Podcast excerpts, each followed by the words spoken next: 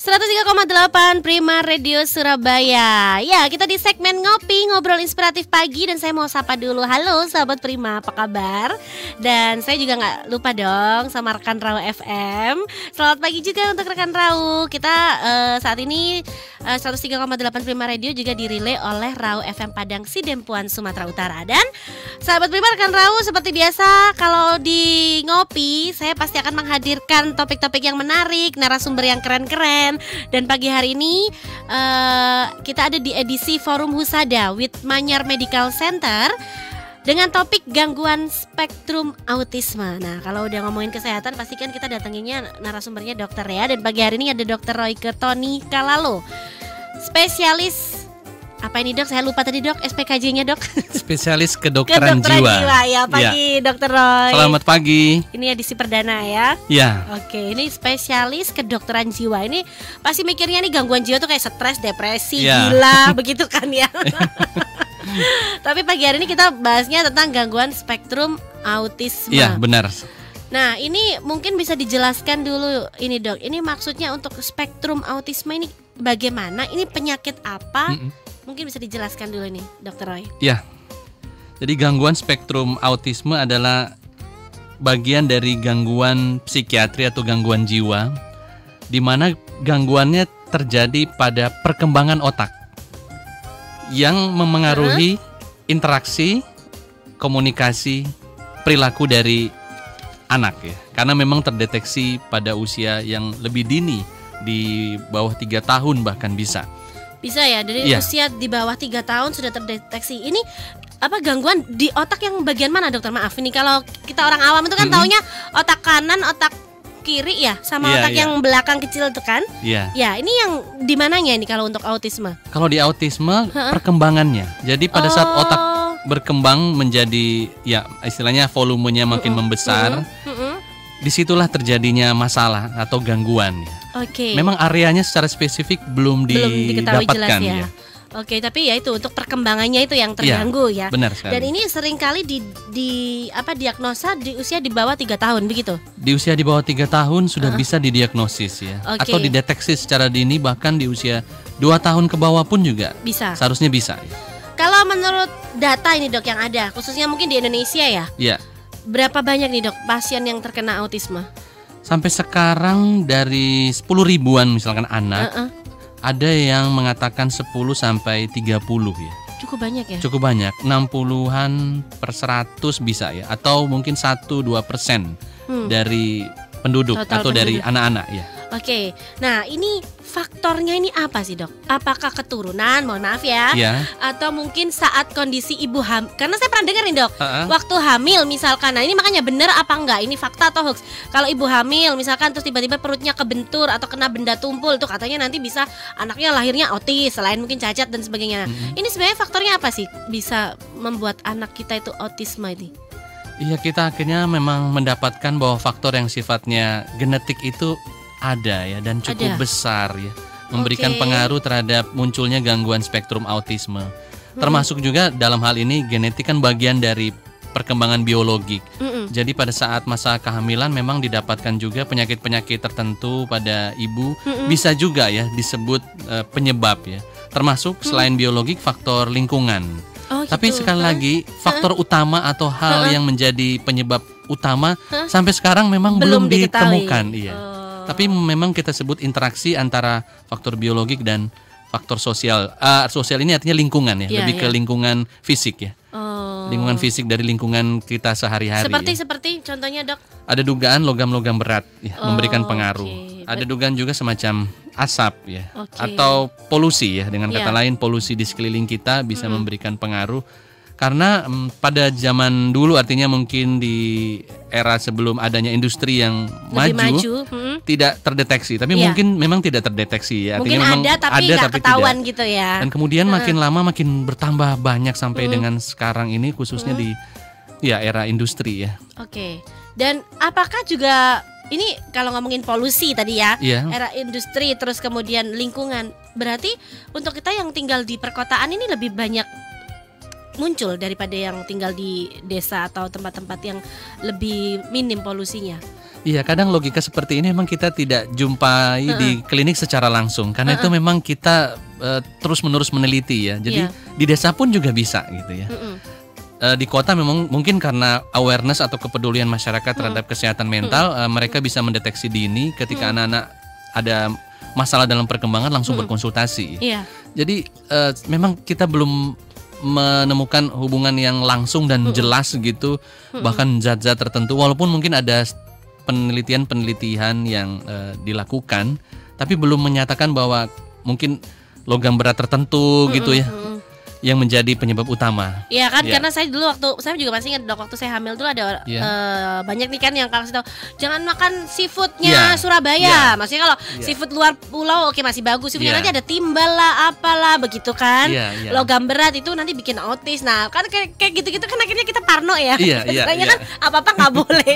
Padahal sebenarnya dari sisi ilmu kedokteran belum tahu penyebab pastinya Belum ya. tahu penyebab pasti, tapi kita memang menjumpai ada uh, pasien yang mengalami kondisi uh, gangguan logam berat ya yang besar, gejalanya mirip dengan autis. Karena itu mungkin dihubungkan demikian, Ya. tapi secara pasti Belum. masih belum, masih belum. Masih dipelajari Iya, termasuk benar. faktor genetik tadi ya. Termasuk faktor genetik, tapi memang faktor genetik kayaknya seperti uh, sudah lebih maju penelitiannya. Jadi kita menemukan beberapa gen, tapi juga belum memastikan. Gitu. Oke.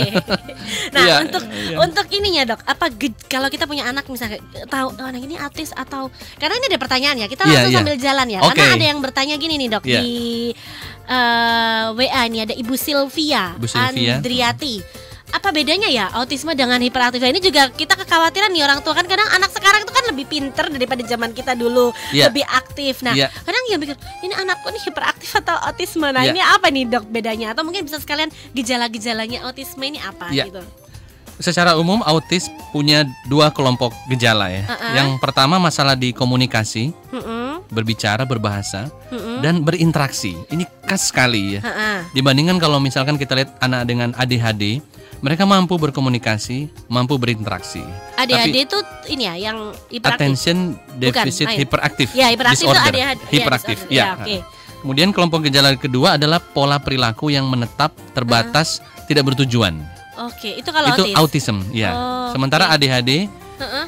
Gerakannya tampak bertujuan tapi hiperaktif. Oh, iya, ya. terlalu berlebihan Terlalu lah istilahnya berlebihan, ya. iya, iya. Oke, dokter kalau misalkan anak autis komunikasinya bagaimana? Susah begitu? Umumnya yang kita jumpai Heeh. ada keterlambatan Oh. berbicara, berbahasa. Usia beberapa Harusnya bulan harusnya bisa, bisa, mama, heeh. papa atau beberapa Heeh. ah, eh, tahun gitu ya, satu tahun sampai dua tahun ini terlambat atau bahkan tidak berbicara ya. Hmm. Iya. Kalau untuk interaksinya juga dia nggak jelas begitu ya dokter? Interaksi mulai Malah dari minim. kontak mata yang biasanya kita jumpai pada bayi-bayi ya beberapa bulan gitu. Lalu mereka melihat dan tersenyum pada anak dengan kondisi autisme tidak didapatkan sesuai dengan perkembangan normalnya.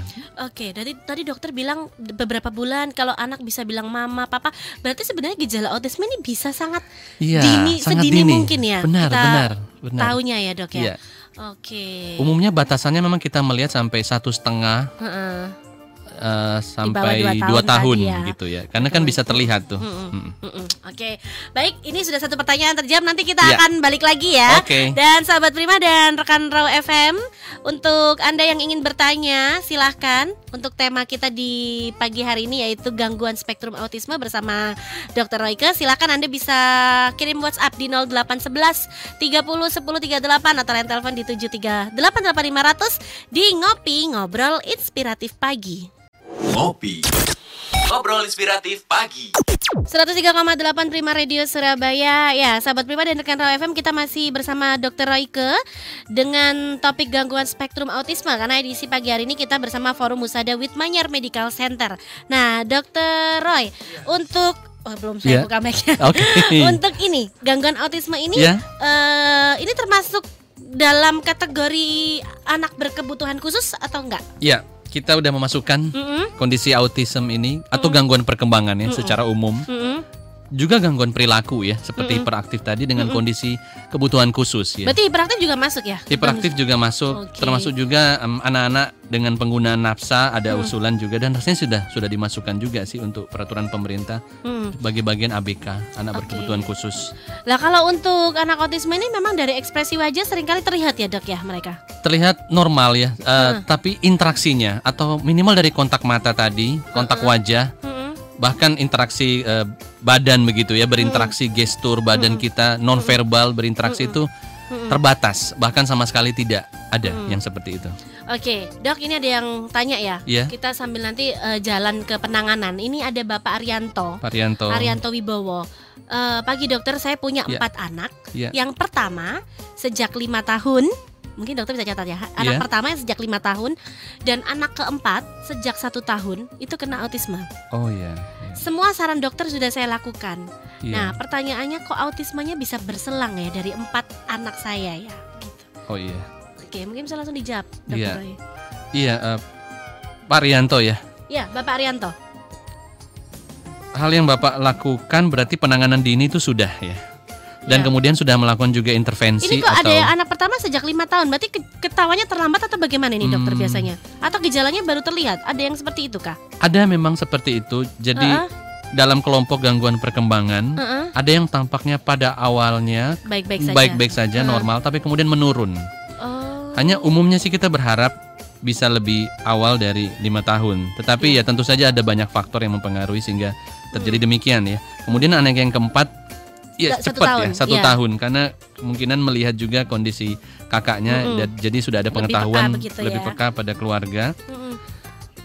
Karena faktor yang kita tadi sebut salah satunya ya faktor eh, genetik. Genetik. genetik. ini adalah gini eh, bagian dari inti sel begitu ya yang mempengaruhi eh, tubuh kita gitu yang mempengaruhi perkembangan ba- termasuk juga otak Mm-mm. yang mengalami penyimpangan ya. Mm-mm. Apakah kemudian kita sebut ini nanti diwariskan atau tidak, tapi memang faktor genetik demikian. Hmm. Sehingga bisa terjadi memang dan eh, sering juga kita dapatkan di antara anak-anak ya, Mm-mm. yang eh, saat misalnya saat saudara kandung gitu Mm-mm. memiliki kondisi yang serupa. Mm. Jadi itu sering kali menimbulkan kekhawatiran ya. Ketika anak pertama memiliki kondisi autism dan kemudian memang jelas ada faktor risiko genetik, Mm-mm. pertanyaan yang paling sering itu adalah kalau saya punya anak, kami punya anak lagi, Iya. apakah juga mengalami Akan, kondisi yang ya. sama? Mm-mm. Kemungkinan sih memang tetap ada. Kita harus mengakui dari banyak penelitian Mm-mm. demikian. Mm. Tapi ada juga yang ternyata tidak ya, karena memang lagi diteliti sekali ya faktor genetik yang mana nih. Mm-mm. Eh, dan ya itu yang sering terjadi ya. Eh, Oke dokter ini kan tadi Pak Arianto juga eh, share ya bahwa semua saran dokter sudah dilakukan. Nah ini Iya. kita ke penanganan, penanganan Iya, untuk eh, sahabat Prima dan rekan Raw FM yang mungkin memiliki anak yang mengalami gejala seperti ini. Udah kayaknya Iya. udah ketahuan. Tadi kan gejala-gejalanya. Nah iya. ini apa yang harus dilakukan oleh orang tua nih dok? Penanganan prinsipnya adalah sedini mungkin ya. Hmm. Ketika terdeteksi tanda-tanda masalah Autisme. perkembangan anak ya, bicara, berbahasa, berkomunikasi, berinteraksi, bersosialisasi. Mm-mm. Jadi harus segera mungkin ya untuk ditangani. Ada tiga tipe penanganan. Nomor satu yang paling utama yang kita sebut intervensi edukasional. Jadi di komunitas yang memberikan perhatian pada gangguan spektrum autisme kita menggunakan istilah intervensi ya. Mm-mm. Tapi mungkin ada istilah lain. Cuma Iya. secara umum intervensi. Artinya, artinya penanganan. Mm-mm. Yang nomor satu edukasional, artinya pendidikan, pelatihan, keterampilan, seterusnya ya. Mm. Kemudian yang kedua intervensi medikasi atau pengobatan, obat yang diminum. Ya. Kalau memang ada indikasi tertentu. Yang ketiga intervensi dukungan keluarga, Mm. dukungan sosial, dukungan lingkungan.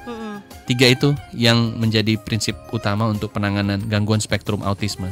Oke, Iya. dokter kita ke satu-satu nih ya. Iya. Intervensi edu Edukasional. edukasional Iya. nih. Ini berarti kan berhubungan dengan eh, penanganan secara apa pendidikan, Pendidikan. dan apa. Betul. Berarti kan termasuk eh ini anak yang berkebet ah ya yang mengalami autisme Iya. ini berarti tidak bisa sembarangan di sekolah umum nih, Dok. Eh, kalau sekarang memang tetap kita masukkan bisa juga ya, di sekolah umum yang namanya program inklusi. Mm-mm. Jadi memang dulu kan sering menggunakan pendekatan yang eksklusif ya, Iya. artinya disendirikan. Ya. Tapi tetap juga ada sih sekolah-sekolah eh, luar biasa Heeh. Tapi kalau sekolah khusus untuk anak autism juga sekarang sih memang ada tapi kita tidak menyebut SLB ya. Jadi mungkin ya sekolah ya anak berkebutuhan khusus. Tapi juga ada program inklusi. Jadi masalah intervensi edukasional ini bagaimana laku, melakukannya? Ada yang pra akademik dan ada yang akademik. Yang pra akademik ini yang biasanya bersifat untuk pelatihan interaksi, komunikasi. Hmm. Lalu kemudian kalau yang akademik sudah terstruktur. Nah sayangnya dua per tiga dari anak-anak dengan gangguan spektrum autisme memiliki intelijensi yang kurang. Itu yang kita dapatkan ya. Sementara yang sepertiga mungkin normal bahkan ada yang Lebih dari lebih superior normal. dan Heeh. jenius gitu. Iya. Nah, yang kondisi yang 2 per 3 ini dengan intelijensi yang normal berat eh intelijensi yang kurang maaf ya, intelijensi yang kurang. Jadi memang ada penanganan yang serupa seperti SLBC, Iya. kurikulumnya seperti itu ya. Iya. Dan Oke. bisa dilakukan di inklusi. Tujuannya adalah ketika kemudian setelah kelas inklusi ini selesai gitu dalam beberapa hari kan ada mungkin dua hari atau tiga hari, Hmm. Mereka bisa kembali kepada anak-anak yang tipikal, anak-anak yang istilahnya perkembangannya normal Iya. untuk melatihan sosialisasi. Oh, Iya. berarti sebenarnya mereka bisa di sekolah biasa tapi ada tambahan begitu, ada tambahan Iya. edukasi gitu. kelas inklusi, Kelas kelas inklusi khusus, tapi kemudian masuk lagi eh, Oh. bisa bergabung. ya. Oke. Dan kelas inklusi ini memang ada yang kelas tersendiri, tapi Hmm. ada yang eh, tetap digabung bersama-sama, tapi pelajaran tertentu ada guru yang memberi perhatian kepada anak-anak Hmm. dengan kondisi autisme ini, dan secepatnya mereka kembali bertemu dengan teman-teman yang tipikal, istilahnya tipikal sih, Iya, istilah iya. perkembangan normal. Oke, berarti kalau misalkan orang tua pengen ya udah anaknya tetap eh, di sekolah biasa, Iya. tapi tetap harus ada tadi itu ya intervensi edukasional, jadi Iya. harus ada tambahan untuk mereka ya khusus ya Iya, dok ya. kurikulum termasuk guru-gurunya yang Oh, terlatih, harus karena ya. sangat berbeda ya. Hmm, eh, bagaimana menangani perilakunya. Jadi ada juga pendekatan terapi perilaku di sini. hmm, Termasuk juga kalau misalkan anak dengan usia dini terapi wicara. Ya, karena kesulitan bicara bahasa. Oke, lalu untuk eh, penanganan yang kedua yaitu intervensi medikasi Iya. dari obat-obatan. Ini Pengobatan. pengobatannya seperti apa dok? Kalau dari segi medis? Ya, ada obat yang diberikan untuk Hmm. mengatasi eh, masalah komunikasi sel-sel saraf. Nah, istilahnya Oh, gitu ya. oke. Jadi bukan obat penenang, Iya, iya, bukan juga iya. menimbulkan Karena kita kan ketergantungan. mikirnya kalau misalkan tentang kesehatan jiwa atau Iya. kedokteran jiwa mikirnya oh tentang obat Iya. penenang lah yang kayak orang nggak bisa Iya, tidur, orang iya. Benar-benar stres itu gitu kan. stigma Iya, tersendiri iya, memang iya. untuk Berarti nggak ya mereka dikasih eh, obat yang tadi berhubungan dengan sel-sel saraf. Se- Iya, artinya eh, komunikasi otak ini dia dalam otak gitu Iya, ya. iya. Tampak terganggu ketika seorang anak melakukan hal-hal yang agresivitas misalkan ya, atau emosionalnya tidak stabil atau irritable, sensitif ya. Atau adanya gerakan-gerakan berulang ya. Hmm, Tapi bukan kejang gitu. Iya. Itu bagian memang gejala autisme. Itu yang kemudian kita berikan penanganan ya. Dari obat ya. Dari obat. Oke. Jadi ada indikasi tambahan sebenarnya.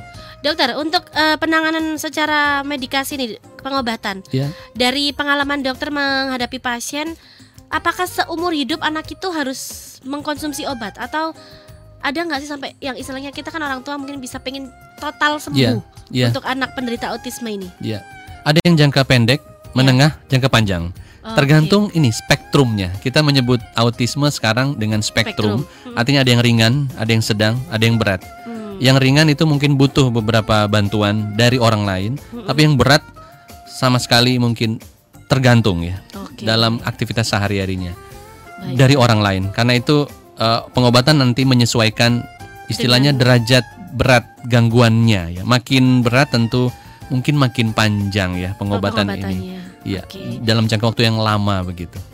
Lalu untuk yang penanganan ketiga adalah eh, intervensi dukungan keluarga. Ini, Iya. ini penting sekali Iya, ya. benar. Oke, bagaimana ini Dokter Roy?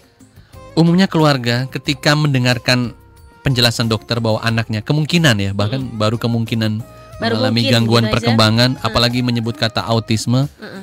menimbulkan stres ya, menimbulkan rasa eh, banyak ya, kebingungan, kekhawatiran, bahkan penyangkalan ya, Hmm.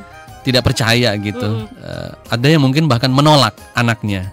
Jadi sebenarnya stresornya besar, jauh lebih besar menurut penelitian. Ada yang me- meneliti dibandingkan memiliki anak dengan kebutuhan khusus lainnya. Hmm. Jadi orang tua dengan gangguan eh, yang memiliki anak dengan gangguan spektrum autisme merasa stres yang lebih besar daripada anak yang mungkin memiliki eh, anak oh, orang tua yang memiliki anak kebutuhan khusus lainnya begitu. Iya.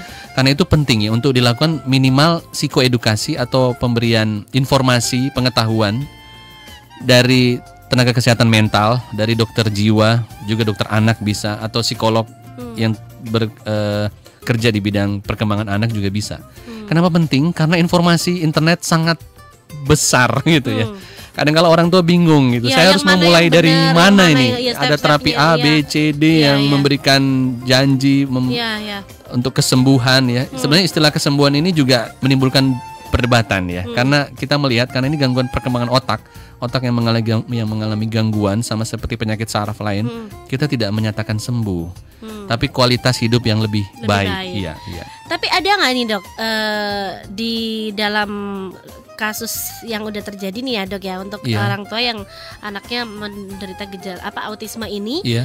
eh, ada nggak yang akhirnya ya tadi dokter bilang mungkin nggak menjanjikan sembuh tapi Iya. ada perubahan atau paling nggak mereka bisa apa ya nanti kalau misalnya katakanlah orang tuanya udah nggak ada ini kan kita kita Iya. pikir gitu ya Iya. mereka bisa hidup mandiri atau ya mampu untuk Iya. ditinggal lah istilahnya Iya. oleh orang tua bagaimana ini dokter Ada satu ya? contoh, ya tapi di Amerika ya. Kita di Indonesia nanti ya semoga ada ya, ya melihat ya.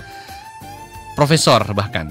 Bisa sampai profesor. Oh dia jadi profesor. Profesor, Wah, iya. Temple biasa. Grandin ya, namanya em, di bidang peternakan, karena dia punya kelebihan khusus ya untuk memahami gitu, Hmm. Bagaimana perilaku ternak, khususnya ternak potong, sehingga dia memperhalus pemotongan hewan gitu menjadi lebih istilahnya istilah kedokteran hewannya itu apa? Humannya gitu, istilahnya lebih berperi kehewanan Iya, gitu iya, maksudnya. iya, iya, oke, oke. bisa itu dia dia bisa mengatasi. Tapi memang dengan latihan yang dari usia dini keterampilan dini intervensi edukasional yang dari dini dia lakukan mencoba berbagai macam keterampilan dan bisa ya jadi tetap ada contoh yang berhasil walaupun dia mengatakan sampai sekarang tetap punya kesulitan berinteraksi dengan orang Karena dia ya. mengakui sendiri ya. iya tapi bisa Berarti memang benar baik. ya, dukungan keluarga ini juga salah satu penanganan karena tadi dari dokter Roy bilang karena apa? Kadang orang tua tuh iya tak, anakku bener kah? Ke- apa Iya. menderita ini kan Iya. betul karena jadi kadang akhirnya ada penolakan Bisa. sehingga tidak terdeteksi secara dini tidak langsung ditangani Iya. secara cepat Iya. gitu ya dokter ya termasuk juga saudara-saudaranya misalkan eh, adik-adiknya ka- Iya. atau kakak-kakaknya juga bisa mengalami stres juga ya ketika melihat perilaku saudara kandung mereka yang mungkin eh, tidak nyaman buat mereka ya Berarti ini untuk sahabat Prima dan rekan Raw FM kalau misalkan memang sudah ada menandakan gejala tadi yang seperti Iya. Dr. Roy bilang ya dari Iya. gejala komunikasi, Iya. interaksi, Iya. perilaku mereka. Jadi lebih baik langsung segera dengan cepat ditangani ya. iya benar Oke, benar karena tadi ada apa? Akan ada penanganan dari sisi pendidikan mereka, terus dari medis Iya. dan juga dukungan, dukungan keluarga kepada itu. keluarga Baik, dokter nanti kita akan masuk eh, segmen yang terakhir. oke Nanti masih ada pertanyaan ini yang numpuk iya ya. baik senang sekali banyak Ya, pertanyaan respon Dan sahabat Prima, rekan Raw FM jangan ke mana-mana. Kita masih akan ada terus di ngopi sampai jam 10 pagi ya. Di ngobrol inspiratif pagi. Ngopi. Ngobrol inspiratif pagi. 103,8 Prima Radio Surabaya Musik Enak Seharian ya Sahabat Prima dan rekan Raw FM Kita masih di segmen Ngopi Ngobrol Inspiratif Pagi Dengan topik gangguan spektrum autisme Edisi Forum Musa Dawit Manyar Medical Center Bersama Dr. Roy Ketonika Lalu Spesialis kedokteran jiwa Nah dokter tadi kan Ya. sudah dijelaskan ya Tiga penanganan Ini ada yang bertanya ini Ya. dok Tapi belum eh, Saya juga nggak tahu detailnya Ini udah ditangani secara medis apa enggak ya Iya. jadi dia punya keponakan, ini Bapak Yatno. Eh, saya punya keponakan yang eh, menderita autisme. Saat ini sudah umurnya di atas 15 tahun. Mm-mm. Udah lama ya. Nah, ini Iya. bagaimana caranya? Karena eh, kalau sekarang ini sudah sering selama ini sama orang tuanya diikutin maunya, Iya. pelan-pelan diarahkan. Nah, terus sekarang ini kalau dia lagi nggak keturutan bener-bener itu Iya. sampai marah-marah banget. Iya. Terus sering seperti ya mohon maaf seperti kayak orang jadi kena gangguan jiwa, Hmm. bicara sendiri seolah-olah ada teman halusinasi begitu, dokter. oh iya Bagaimana nih, dokter Roy? iya untuk ponakannya Pak Yatno ya yang Iya. berusia 15 tahun Iya, udah lebih 15 tahun ya iya. yang kita harapkan dari penanganan ya kita katakan memang mungkin ya mengalami gangguan spektrum autisme ya Harus tercapai kondisi kemandirian dan ada keterampilan yang bisa dimiliki oleh keponakannya ini sehingga paling tidak dia bisa eh, terus mengembangkan ya kondisi otak begitu atau bahkan bisa dipakai untuk sumber pencarian ya. Kita berharap dua target ini yang Hmm. bisa tercapai secepat mungkin. Hmm. Memang kalau dilihat dari usianya, otak tampaknya sudah eh, memiliki kondisi yang mungkin untuk pelatihan itu butuh waktu yang lebih lama ya. Beda dengan usia yang lebih dini, proses pembelajaran itu kan bisa lebih cepat ya. Nah kita berharap memang eh, perhatian paling tidak ya harus tetap ada gitu dengan fokus pada kemandirian dan keterampilan tadi. Namun kalau memang ada masalah perilaku yang ditunjukkan dengan yang katanya tadi mirip gangguan jiwa yang lain begitu, apakah itu cemas, sedih, marah, agresif, tampaknya memang harus ada dukungan intervensi lain selain yang sifatnya edukasional. Jadi ada intervensi medikasi atau pengobatan untuk mengendalikan perilaku-perilaku yang tidak diharapkan itu. Sebab sulit untuk melatih kalau masih ada perilaku-perilaku yang eh, menjadi istilahnya kita challenging behavior ya. Perilaku yang sepertinya menjadi tantangan atau menantang atau agresif gitu. Jadi sulit untuk mendapatkan proses edukasional. Hmm. Kalau demikian memang harus diberikan bantuan pengobatan. Ini karena Pak Yat, eh, Pak Yatno juga nggak ngasih tahu ya ini Pak Yatno ini apakah keponakannya ini sampai seberapa nih penanganan medisnya ya Iya, kurang jelas. benar, benar. Tapi kalau ini ini ngomong jeleknya nih dokter, seandainya ini eh, terlambat belum pernah ditanganin medis, ini apakah masih ada peluang atau harapan nih dokter Roy? Paling nggak minimal lah. Tadi kan nggak marah-marah Iya, atau nggak iya. bicara-bicara sendiri ini. Iya. Kita berharap tetap sih pada kondisi diagnosis dulu yang terdeteksi. Jadi apakah gangguan spektrum autisme ini memang bisa ditegakkan diagnosisnya? Kalau iya, Oke. apakah ada kondisi yang lain? Minimal kondisi fisik lain. Gimana kondisi otaknya? Hmm. Apakah ada penyakit-penyakit fisik lain, katakanlah kejang gitu yang menyertai gitu, atau mungkin eh, kondisi organ lain yang juga memiliki masalah? Ini harus terdeteksi secepatnya. Ya. Jadi kondisi otak gitu dan juga penyakit-penyakit lain apakah ada? Karena tadi ada Iya. bicara sendiri dan berhalusinasi itu ya Iya, dokter ya. iya. Ini harus terdeteksi lebih dulu baru kemudian kita bisa menentukan model terapinya seperti bagaimana. Oke. Iya. Baik, eh, dokter Roy karena waktu kita terbatas ini ya. Iya, oke. ini mungkin bisa disimpulkan ini untuk eh, gangguan spektrum autisme ini mungkin dari gejala Iya. dan juga penanganan. Iya. Iya. Jadi untuk gejala pada gangguan spektrum autisme ada dua kelompok besar ya, yaitu masalah pada komunikasi dan interaksi. Ini udah menjadi satu kesatuan. Artinya tidak ada katakanlah mulai dari kontak mata, dari kontak wajah atau bahasa tubuh gitu. Keinginan untuk berbagi kesenangan, berbagi minat, berbagi perhatian, berbagi mainan gitu. Termasuk juga keterlambatan bicara, bahkan ada yang sama sekali tidak bisa berbicara, bersuara, berbahasa apalagi ya. Ini harus terdeteksi sedini mungkin ya. Biasanya kon- kondisi gangguan spektrum autisme juga ditambahkan dengan perilaku yang terbatas, tidak bertujuan, berulang-ulang. Bisa mengepak-ngepakkan tangannya gitu ya, bisa jinjit-jinjit, meliuk-liuk atau gerakan apa pun ya. Termasuk juga ada ritual-ritual yang sebenarnya tidak cocok gitu ya. Misalkan eh, kalau tidur harus dengan bantal tertentu, kalau diganti dia akan marah. Ini gejala-gejala yang bisa menandai ya. Tapi Iya. kita perlu memang mendiagnosis secara lengkap dan biasanya memang proses diagnosisnya ini melibatkan tim juga. Hmm. Ada juga eh, bantuan dari eh, tim psikologi begitu untuk menentukan intelijensianya. Ini sama seperti yang kasus tadi Pak ponakannya Pak Yatno misalnya 15 tahun usia fisiknya, tapi usia mentalnya gimana kan kita harus cek ya. Oh, gitu. Karena udah besar ya. Tapi untuk anak-anak yang memang di bawah lima tahun barangkali tes psikologinya tidak se- selengkap seperti yang udah enam tahun ke atas. Jadi eh, penentuan secara klinis penting ya, komunikasi, interaksi dan masalah perilaku ya. Hmm. Kemudian intervensinya meliputi tiga hal. Nomor satu yang terutama yang memang harus selalu dilakukan mulai sedini mungkin, Hmm. intervensi edukasional ya. Terapi perilaku, terapi wicara, terapi okupasi, terapi sensori integrasi, terapi remedial itu macam-macam ya. Mungkin istilahnya istilah medis begitu, tapi secara umum kita sebut pendidikan dan keterampilan sedini mungkin. Dan seterusnya bisa ya dilakukan sampai remaja pun bisa ya.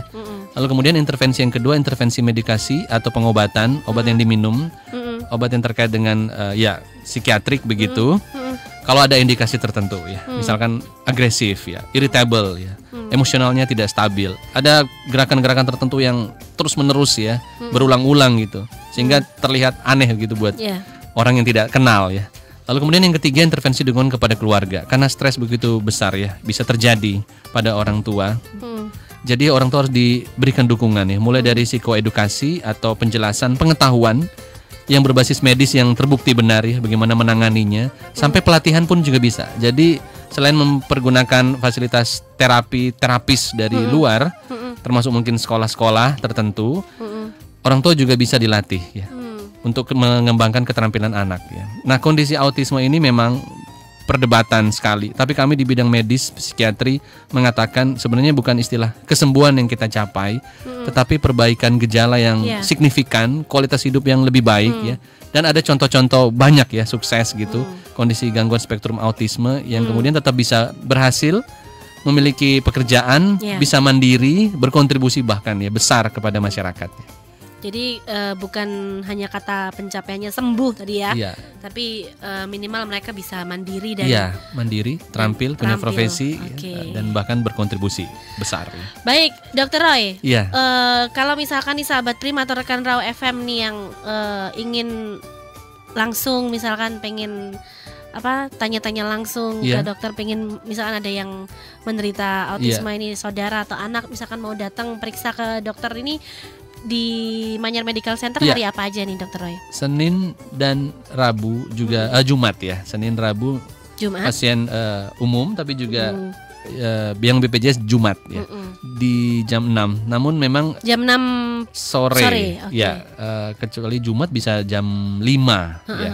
Namun saya eh, artinya menggunakan sistem eh, appointment. Jadi ada sesi yang disediakan dengan waktu tertentu sehingga lebih baik memang mendaftarkan terlebih dulu sehingga kita bisa atur. Hmm. Jadi eh, untuk proses konsultasi bisa artinya datang sesuai dengan jam yang Sesuai, ditentukan. Jadi ya. tidak eh, menunggu gitu sebab Ya, ya. ya eh, model pemeriksaan di psikiatri eh, sedikit berbeda ya dengan, Dengan model yang wawancara sakit eh, batuk bidang penyakit fisik ya. lainnya gitu dan memang butuh waktu yang lebih Ya, lebih intens lebih ya. intens sehingga lebih bagus mungkin ditentukan jadwalnya datang sesuai dengan jadwalnya jadi tidak menunggu tidak mengantri. Berarti telepon ke Manyar Medical Center dulu Iya, ya, boleh iya, ya benar, untuk janjian benar. dulu sama Dokter Roy ya. Iya benar. Oke, nah kalau bahas soal Manyar Medical Center nih kita ke Mbak Dia. Halo Mbak Dia. Halo. Apa kabar? Baik sekali. Halo semuanya, sahabat Prima dan rekan FM yang ada di Padang Sidempuan. Ya, Semangat pagi semuanya ya. Kayaknya seru Semangat pagi. sekali. seru topiknya Seru ya. banget dan antusias banget Hmm,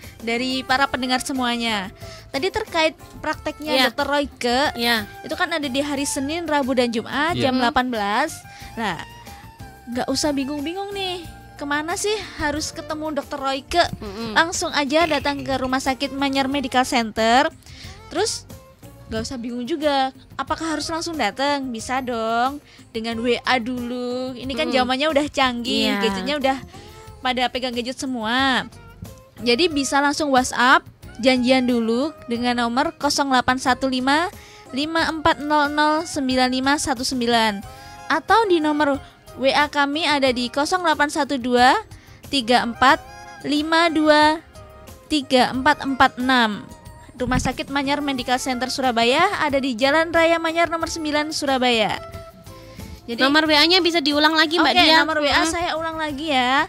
Eh, silahkan dipegang HP-nya masing-masing, dicatat nomor WA Rumah Sakit Manyar Medical Center untuk konsultasi dengan Dr. Royke, spesialis kedokteran jiwa, konsultan untuk anak dan remaja ya dok ya. Iya. Nomor WA-nya ada di 0815 5400 9519 dan nomor satu lagi ada di 0812 3452 3446. Nanti petugas kami akan langsung menjadwalkan dengan Dr. Royke gitu. Oke. Mbak Dia ada info apa lagi nih dari Manyar Medical Center yang ingin di-share sama sahabat Prima dan rekan Raw FM? Oke, Rumah Sakit Manyar Medical Center tentunya akan memberikan yang terbaik Mm-mm. untuk para pendengar semuanya. Tadi kan yang dibahas masalah anak dan remaja. Sekarang masalah ibu-ibu juga ini. Mm-mm. Kita sediakan paket vaksin HPV, Mm-mm. yaitu untuk mencegah kanker serviks dengan vaksinasi. Kanker serviks sebagian besar disebabkan oleh virus yang ditularkan melalui hubungan seksual, yaitu human papillomavirus atau biasa kita kenal dengan virus HPV. Vaksin kanker serviks diberikan sebagai salah satu upaya untuk mencegah penularan virus tersebut sekaligus mengurangi risiko yang lebih buruk. Dan Rumah Sakit Manyar Medical Center memberikan special price untuk tiga kali suntik yaitu dengan paket vaksin HPV. Dari harga 3 juta, sekarang tiga kali suntik cuma dengan harga 2,1 juta atau 2 juta 100. Itu untuk ibu-ibu. Hmm. Terus kalau yang kadang-kadang sering nyeri kepala atau ada keluhan-keluhan di, di lutut, Rumah Sakit Manyar Medical Center sekarang juga memberikan diskon gede-gedean untuk tindakan MRI yaitu tindakan MRI diskon 17% sampai dengan akhir bulan September ini. Jadi silahkan nanti di WA aja kalau mau tindakan MRI bisa appointment by WA nanti kita akan memberikan diskon 17% dengan syarat dan ketentuan berlaku. Gitu, Kak. Oke. Mbak Dia, eh, Dokter Roy, terima Ya. kasih buat waktunya. Terima kasih, Kita sama-sama. berjumpa di lain kesempatan dengan topik yang menarik lagi Oke. ya. Sahabat Prima dan rekan Roy FM demikian ngopi ngobrol inspiratif pagi. Besok Anda bisa simak lagi ngopi Senin sampai Jumat ya dari jam 9 sampai jam 10 pagi. Temanya apa, topiknya apa, narasumbernya siapa pastinya keren-keren ya. Anda bisa simak terus. Dan tetap di 103,8 Prima Radio Surabaya Musik Enak Seharian. 103,8 Prima Radio Musik enak seharian.